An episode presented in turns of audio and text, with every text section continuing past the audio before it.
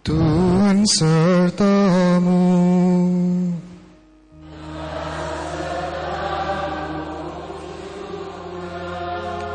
Inilah Injil Yesus Kristus menurut Yohanes.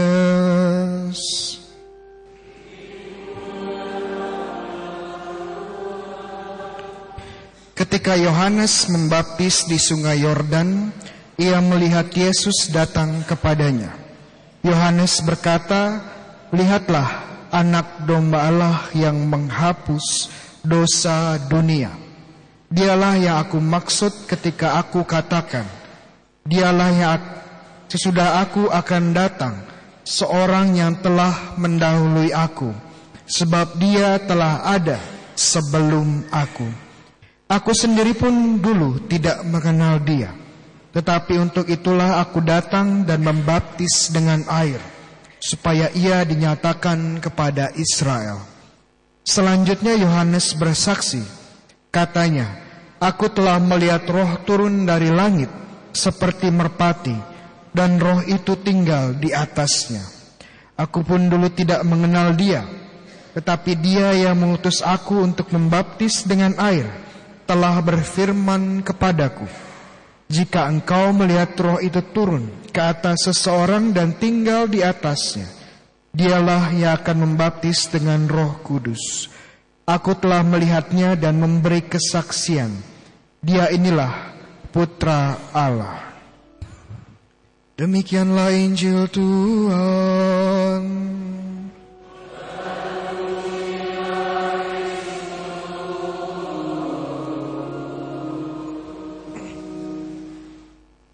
Selamat sore semuanya. Kita memasuki masa biasa. Ya masa biasa dan masa biasa itu cirinya romonya dan para petugas liturgi biasanya pakai baju warna apa? Warna hijau. Kenapa warna hijau? Ya karena yang lain sedang dicuci ya, yang tinggal warna hijau. Enggak, ya ada maknanya. Tahu nggak di dalam gereja Katolik ada berapa masa dalam kalender liturgi? Ada masa apa saja? Ada berapa? Ada lima. Ya, boleh ditawar ya, boleh tawar. Enggak, lima. Apa yang pertama masa Advent. Advent merayakan apa? Kita menantikan Tuhan Yesus yang akan datang. Setelah Advent masa Natal ya, kelahiran Tuhan Yesus, kedatangan Tuhan Yesus. Baru setelah masa Natal ini masa biasa. Kemudian yang keempat masa apa?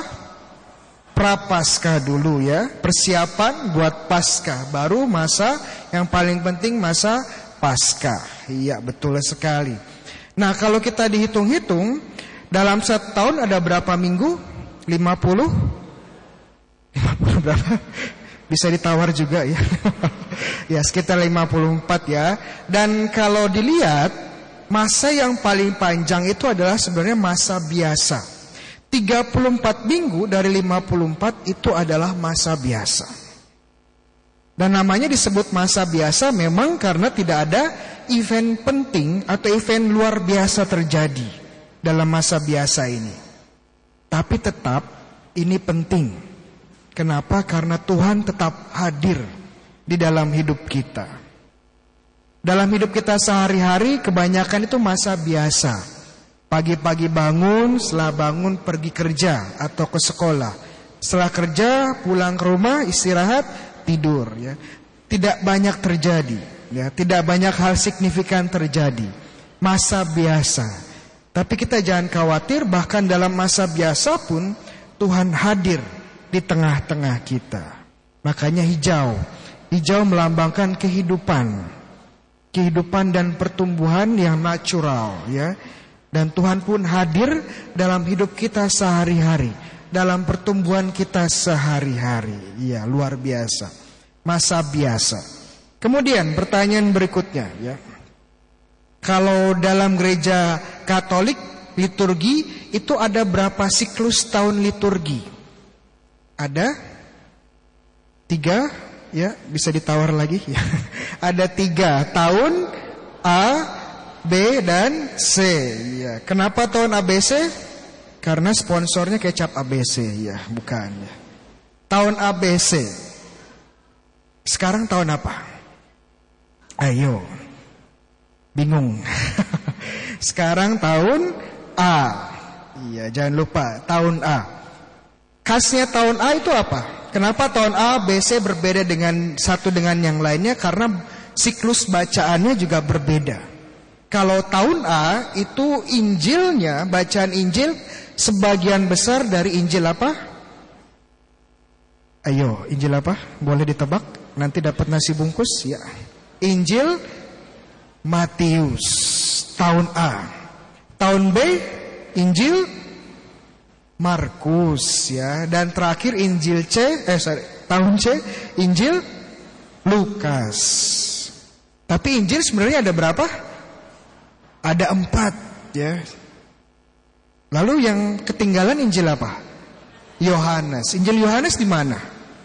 Di tahun tahun D, nggak ada, nggak ada tahun D ya. Injil Yohanes itu di mana-mana ya tersebar di mana-mana. Jadi ada di cewek, ada di Pakuwon ya. tersebar di sepanjang tahun ya.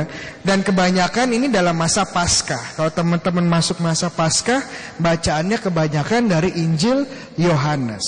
Dan juga sekarang ya, minggu kedua ini juga dari Injil Yohanes. Tapi nanti kebanyakan dari Injil Matius. Pertanyaan berikutnya, dari mana tahu ini adalah tahun A? Mudah caranya ya. Tahun sekarang dibagi dengan tiga.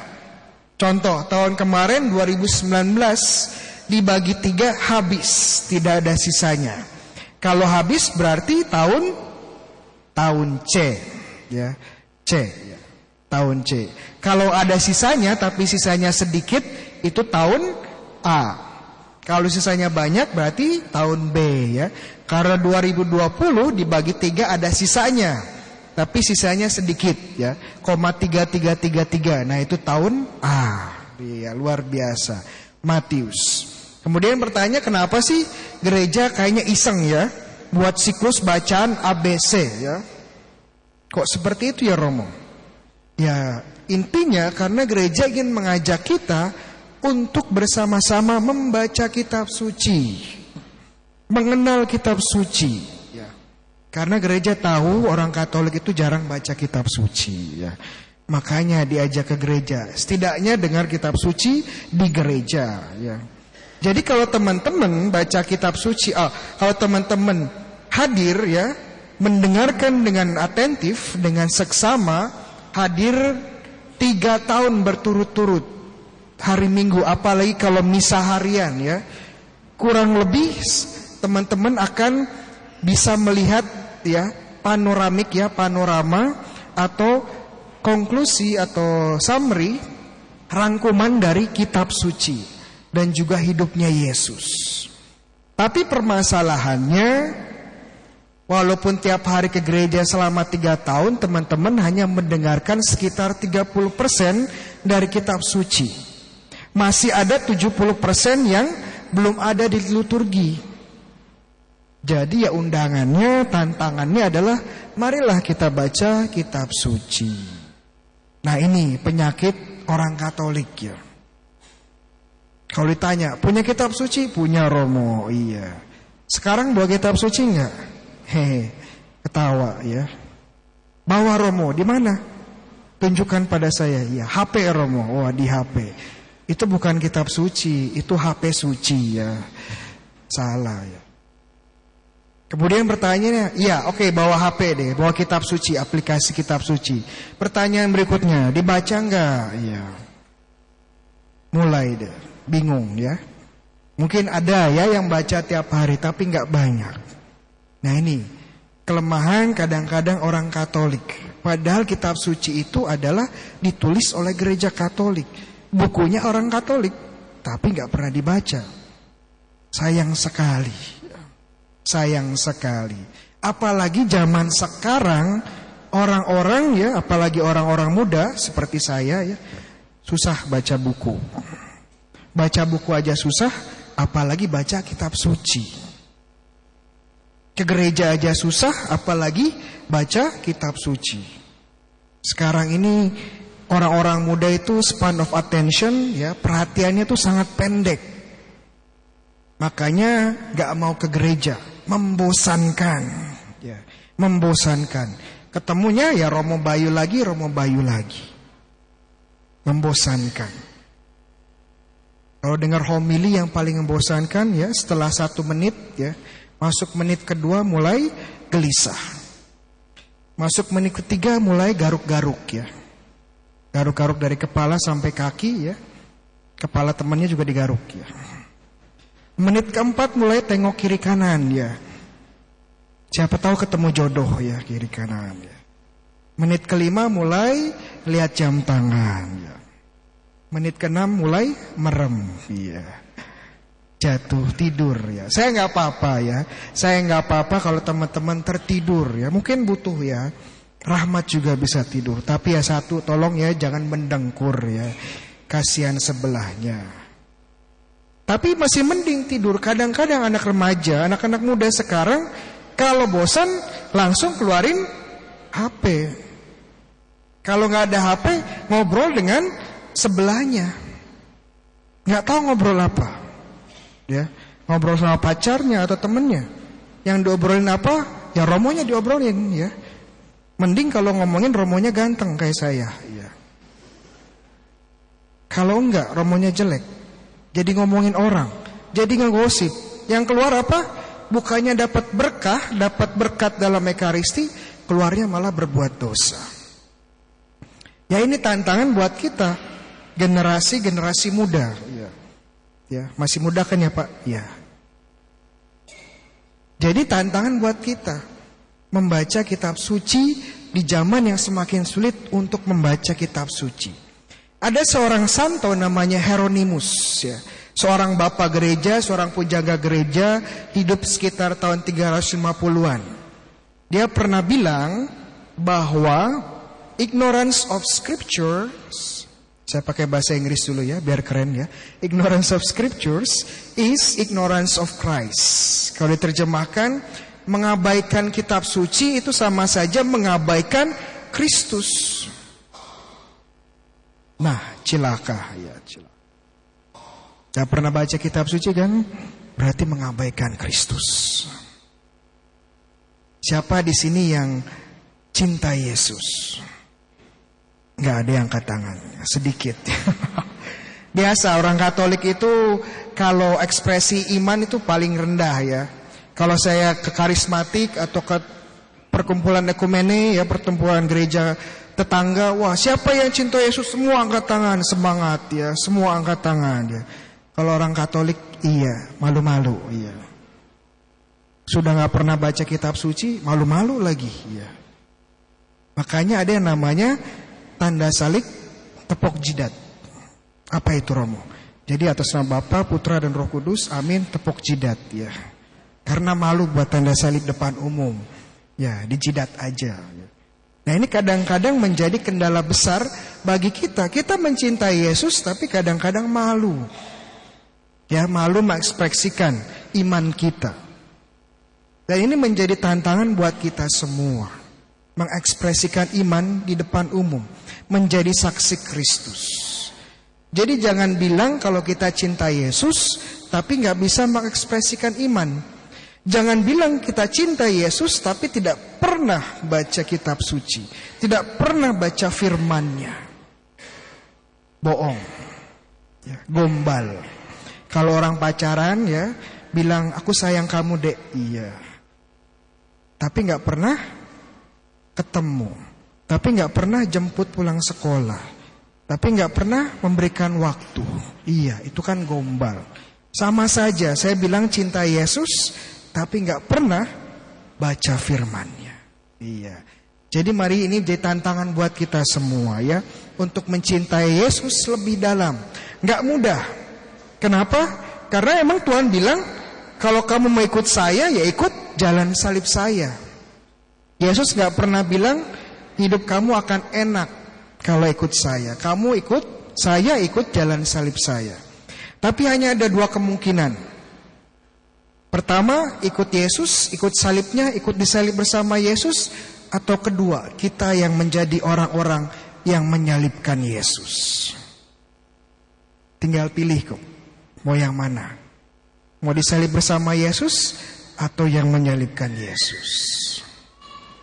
Untuk mengakhiri homili singkat saya ini, mungkin saya beri tantangan buat teman-teman ya, supaya lebih konkret bagaimana membaca kitab suci, mudah. Coba kita baca kitab suci 3 sampai 5 bab setiap hari. 3 sampai 5 bab setiap hari ya. Insya Allah ya.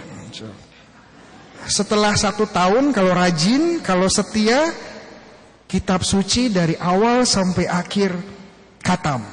Iya. Katam. Kitab pertama apa? Kitab Kejadian. Kitab terakhir Kitab Wahyu. Total kitabnya ada berapa? Bingung. Cuman apal awal sampai akhir, tengah-tengahnya nggak tahu apa isinya ya. Nah supaya kita tahu, makanya kita baca pelan-pelan. Tiga sampai lima bab sehari. Dan kalau masih susah lakukanlah di dalam komunitas. Kita buat komunitas WA ya, sama-sama saling mengingatkan untuk membaca kitab suci. Kalau agak susah, baca kitab suci dalam keluarga. Waduh, ini tantangan yang lebih besar.